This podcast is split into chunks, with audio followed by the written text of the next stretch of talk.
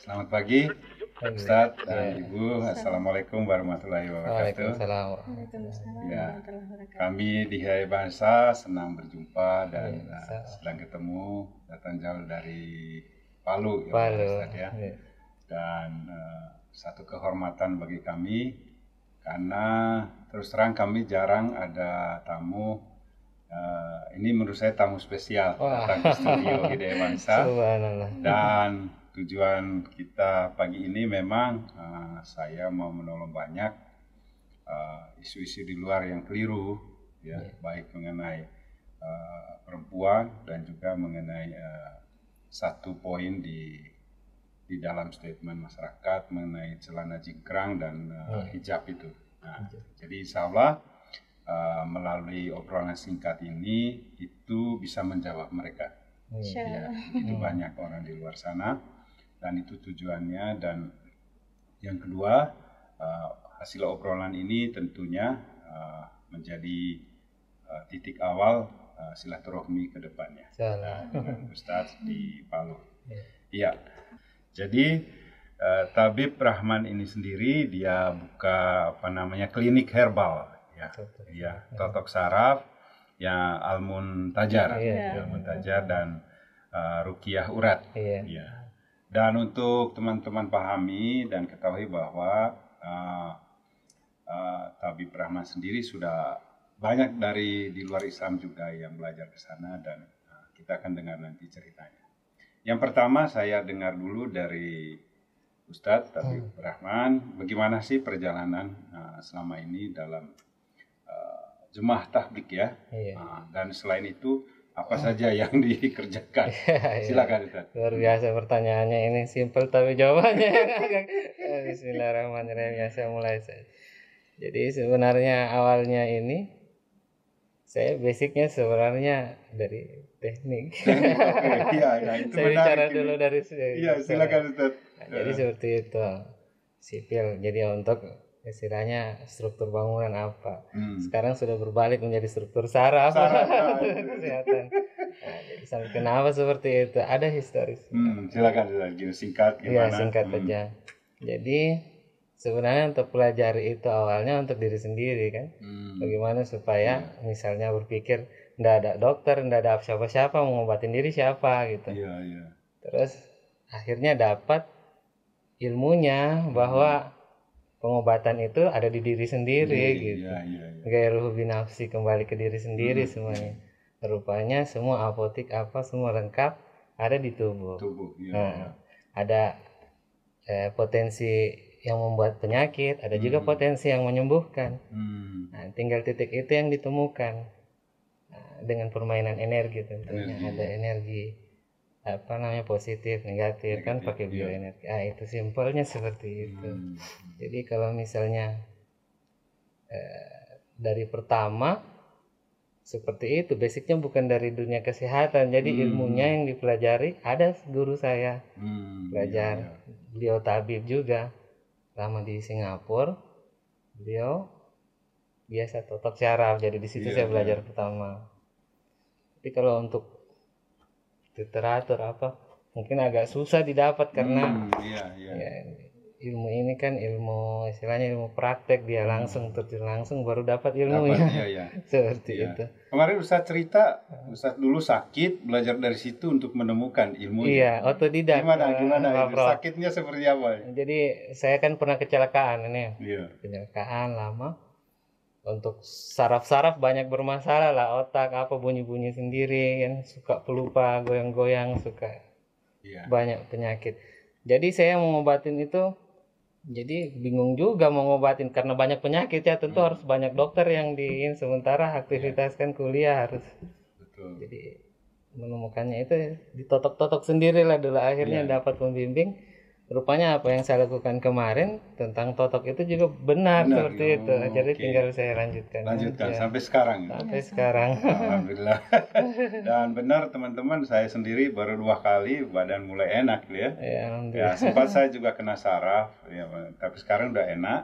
Hmm. Uh, biasanya tadi malam saya baca satu buku Iya. nggak tegang seperti sebelumnya. Iya, alhamdulillah ada Ya, perubahan. sampai selesai. Itu saya coba di situ karena Iya. baru setengah halaman, eh setengah buku, biasanya Hmm. udah tegang bagian tegang, belakang. ya. ya. Alhamdulillah uh, ada perubahan besar. Uh, yang kedua Ustaz, ini lebih intern nih, Iya. lebih ke dalam. Uh, bantu kami juga untuk menjelaskan uh, mengenai uh, pertanyaan orang di luar sana mengenai celana jang, Jingkrang, itu. ya. Nah, ya Ustaz sendiri saya lihat menggunakan itu. Ya Hmm. kita mau menolong apakah pemahaman mereka bahwa orang yang pakai itu itu itu mau melawan pemerintah Iya. Uh, orang yang seperti itu dia eksklusif ya Iya. nah, kami uh, rasakan sendiri sekarang Ustaz Hmm. sendiri sudah banyak ketemu orang Cina malah ya Iya, menarik ini karena eh, awal dari saya memulai sesuatu hal berpikir untuk bermanfaat kepada Iya, untuk iya. orang banyak ini kan semua cita-cita kita begitu ya. amin ya Bagaimana supaya kita bisa bermanfaat untuk orang banyak. Dulu justru saya belajarnya lahirnya dari jemaat tabligh. gitu. Hmm, hmm. Dulu saya tidak punya pikiran sampai situ ibaratnya mereka dapatkan saya dalam kondisi yang sama sekali diri pun tidak saya pedulikan apalagi orang lain. Orang gitu. lain ya Mahabah untuk orang itu sama sekali belum ada. Hmm. Apalagi memberi manfaat. Manfaat. paling hanya memberi mudarat. Iya, di situ iya, saya iya. belajar lama sama mereka-mereka sahabat-sahabat saya di jemaah tabligh itu. Banyak ilmu yang saya dapatkan. Hmm. bukan cuma sekedar ilmu jasadi tapi Ya, rohani. rohani ya bagaimana supaya letakkan kenikmatan hidup itu dirasakan di rohani. Hmm, sehingga jasad sudah tidak lagi menuntut untuk ya, di ya, ya, ya. Senang jadi sudah memenuhi di situ di Ya. amalan-amalan masjid itu. Iya, ada satu kalimat hikmah Hmm. begini Ustaz, sebelum Iya. lanjut. Katakan uh, hidup ke sekarang bukan aku lagi, tapi Iya. ruh Allah yang ada dalam Ah, aku. dalam dahsyat ada dahsyat. statementnya. Amin ya. Silakan Ustaz lanjut ya. Ya, itu sudah jadi eh, dari pemikiran situ berbuahlah ini niat-niat awal bagaimana bermanfaat akhirnya Hmm. Saya kembalikan ke diri apa yang bisa saya beri ke umat ini Hmm. yang saya artinya yang Allah titipkan kepada saya ada Iya, satu iya. ilmu untuk pengobatan Hmm. jadi di situlah saya coba pertama mengobati diri kemudian mengobati keluarga akhirnya terbuka semua sampai di luar Islam Hmm. Artinya celana itu tidak Akhirnya- memberi satu pemaknaan tersendiri. Iya, Kan, artinya kalau menurut saya itu ibarat kalau celana apa tampilan luar Hmm. itu ya, mungkin itu seperti ibarat telur itu cangkangnya doang. cangkangnya aja. Kita mau Oke. keluar dari situ itu untuk memberi manfaat dari cangkang itu. Iya. Jadi adalah ayam. Nah, itu. Ini, teman-teman itu harus cluenya. paham ya. Ah, ah. Apa yang bisa dihasilkan dari sunnah itu Hmm. kepada umat? Bukan cuma sekedar merangkum ilmu sendiri merasa top gitu. Iya, iya. Saya sudah ahli sunnah. Tunggu dulu, Iya, manfaat iya. untuk umat apa? Apa? Ya, ya. Kita Karena mau- semua harus kemanfaat. semua kemanfaatan menjadi Iya. mata air. Iya, iya. Jadi teman-teman ingat bahwa eh, kita ini bukan soal masalah celana ya, itu masalah klasik menurut saya iya itu. Dan, luar aja itu. iya, dan itu ingat baik-baik bahwa kerajaan Allah itu tidak nanti soal masalah pakaian. justru nanti suruh dilepaskan itu ah, pakaian itu, itu, supaya saya. menyerap nah, Betul. Ah, kerajaan Allah itu tidak soal makanan, pakaian, ya, atau Iya. minuman apa.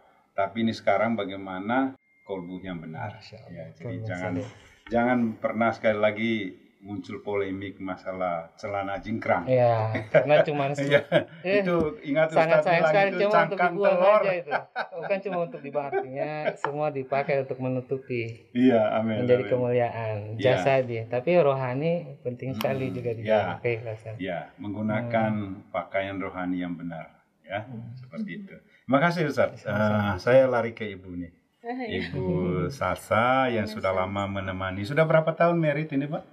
13 13 tahun. tahun. Alhamdulillah sudah 13 tahun ya. Pertanyaan saya pertama Bu uh, Umi bisa cerita nggak kebahagiaan perjalanan pernikahan selama dengan Habib Rahman? Masya Allah. kebahagiaan kita Masya tidak mau lah yang yang jelek-jelek lah Iya, kita benar, mau yang benar. bahagia Artinya seperti apa Bu ceritanya Bu? Oh, Ya. Masya Allah, saya tidak tahu mau cerita ini.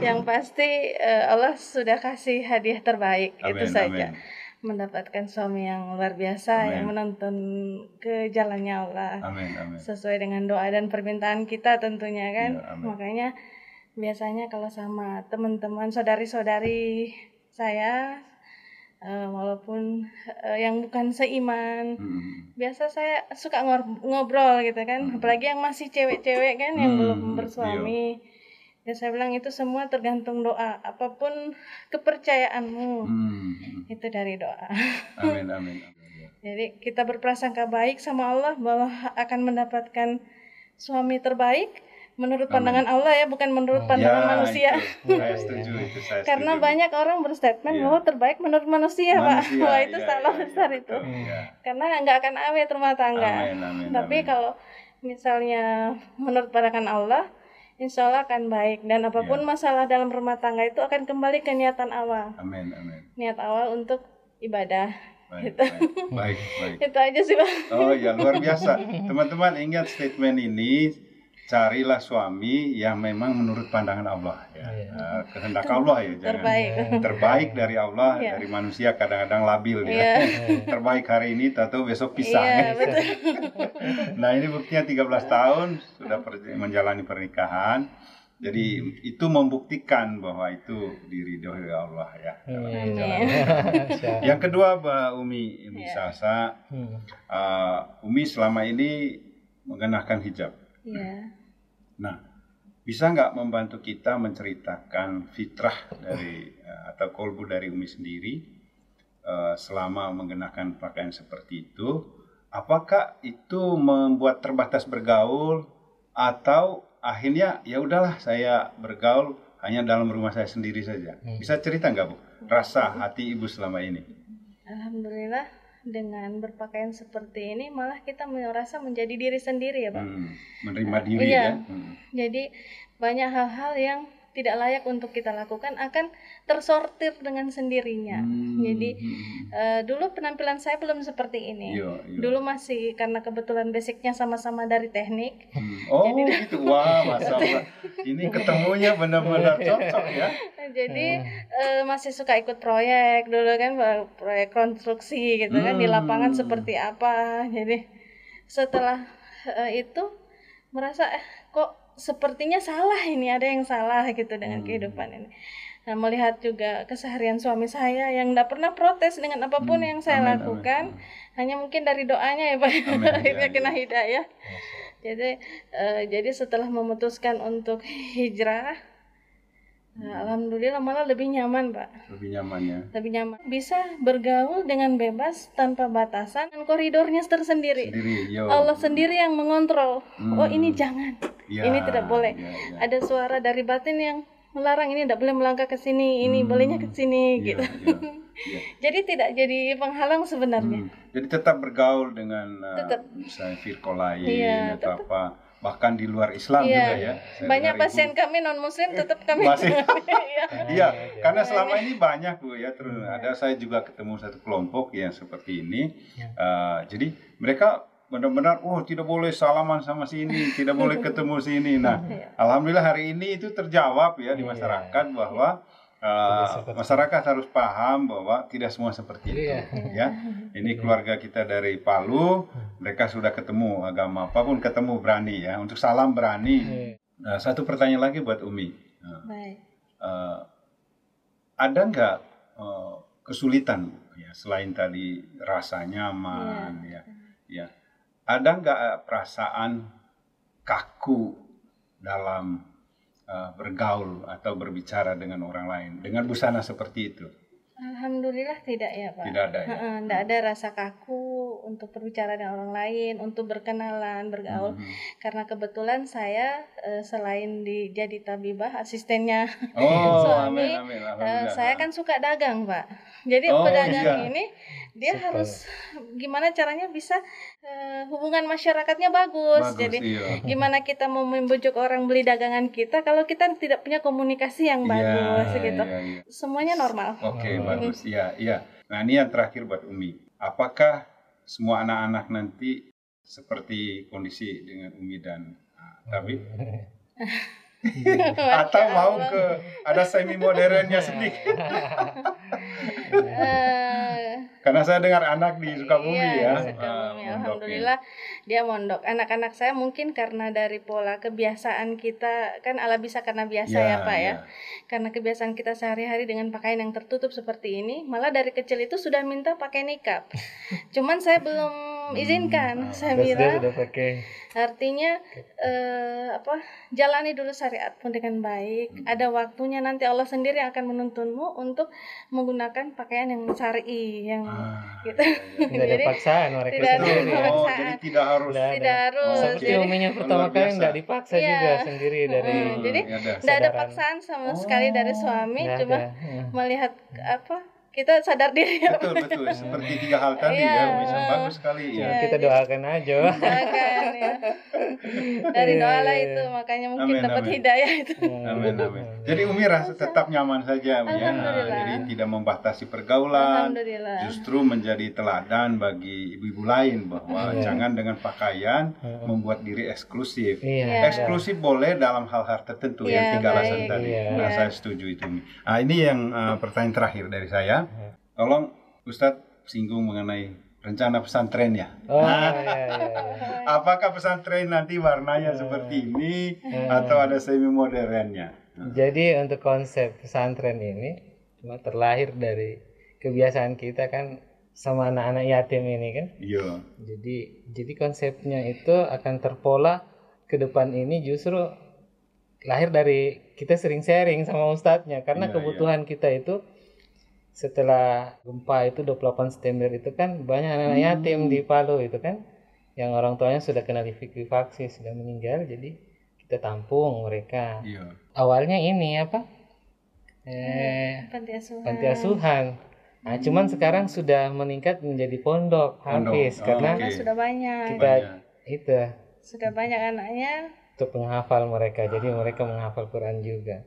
Dari setelah itu menghafalkan mereka juga supaya untuk meningkatkan apa namanya Allah muliakan dengan ilmu Iya. jadi kita buatkanlah sekolahnya Hmm. baru rencana mau buat ini Pak belum Oke, buat doakan baru niat ya. nah itu ini seperti itu insya Allah jadi ada alhamdulillah 120 orang misalnya sekarang Alhamdulillah, kita amin, amin, tampung amin.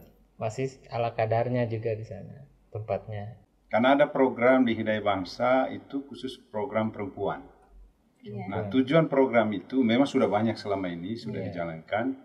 Eh, bagaimana dengan materi yang disampaikan di kelompok perempuan itu, eh, mereka bisa mengenal dirinya bahwa mereka berharga di mata Allah Oh, melalui materi itu. Singkat beberapa eh, kali pertemuan, ya ya, tapi itu hasilnya luar biasa. ya Ya, ya. Nah, misalnya nanti Umi tidak keberatan, eh, bisa buka di, misal lima orang. Nah, Umi bisa kumpulkan ya lima enam ibu-ibu. Oh, supaya bisa. ngumpul biar Iya. Hmm, Supaya masalah. ah, nanti dari materi Hmm. itu, karena banyak sekali berkahnya di materi Iya, itu. Bagaimana menghadapi suami, betul bagaimana memberi suami lebih nyaman. Iya. Itu materi itu diajarkan semua. Bagus, bagus. Ya, nah, itu butuh itu ya. Bagaimana respon Umi? Eh, Sekali. baik sekali bagus Bersama bagus sekali kita. itu Ustaz Insya Allah Eh, tinggal nanti secepatnya lah ya, boleh boleh karena programnya sudah berjalan. ya ya ya alhamdulillah, Iya. ya. Karena banyak wanita yang belum tahu seberharganya mereka itu betul, seperti apa. betul Umi. Masya Ya, saya setuju. Nanti insya Allah Umi jadi fasilitatornya. Mereka setelah selesai, nah Umi yang lanjutkan. Nah, misalnya perlu latih lagi, mereka datang lagi. Ya, Nah, supaya jadi pengajar di sana. Iya. Nanti tinggal dikembangkan. Iya, itu saja yang ingin saya sampaikan dan ini berkah bagi kami nah, podcast pagi ini dan mudah-mudahan kita bisa bersama-sama nah, untuk menjalankan amanah pendidikan amin khususnya di pesantren. Terima kasih Yuda, terima kasih. Umi. Ya. terima kasih banyak terima kasih buat tim nah, media. Nah, ini yang saya sampaikan pagi hari ini dan teman-teman ingat bahwa buang segala konsep yang keliru sebelum tanya kepada orangnya. Hmm. Yang kedua, jangan pernah berprasangka buruk tentang pakaian karena itu hanya cangkang telur tadi Cangkang itu yang harus aja. dibuang setelah digoreng Iya, isinya. iya. Ternyata isinya, isinya isinya, enak yang dan- penting ya, bukan Isinya cangkang penting. telurnya Ya, gitu. bukan cangkang telur. Yang Eh, ketiga, cluenya. ingat baik-baik bahwa kerajaannya Allah itu tidak soal berpakaian, Hmm. tidak soal makanan enak, Ya. jadi bukan soal minuman. Jadi ingat baik-baik, Oh, deh. kolbu kita harus benar. Terima kasih. Wassalamualaikum warahmatullahi wabarakatuh.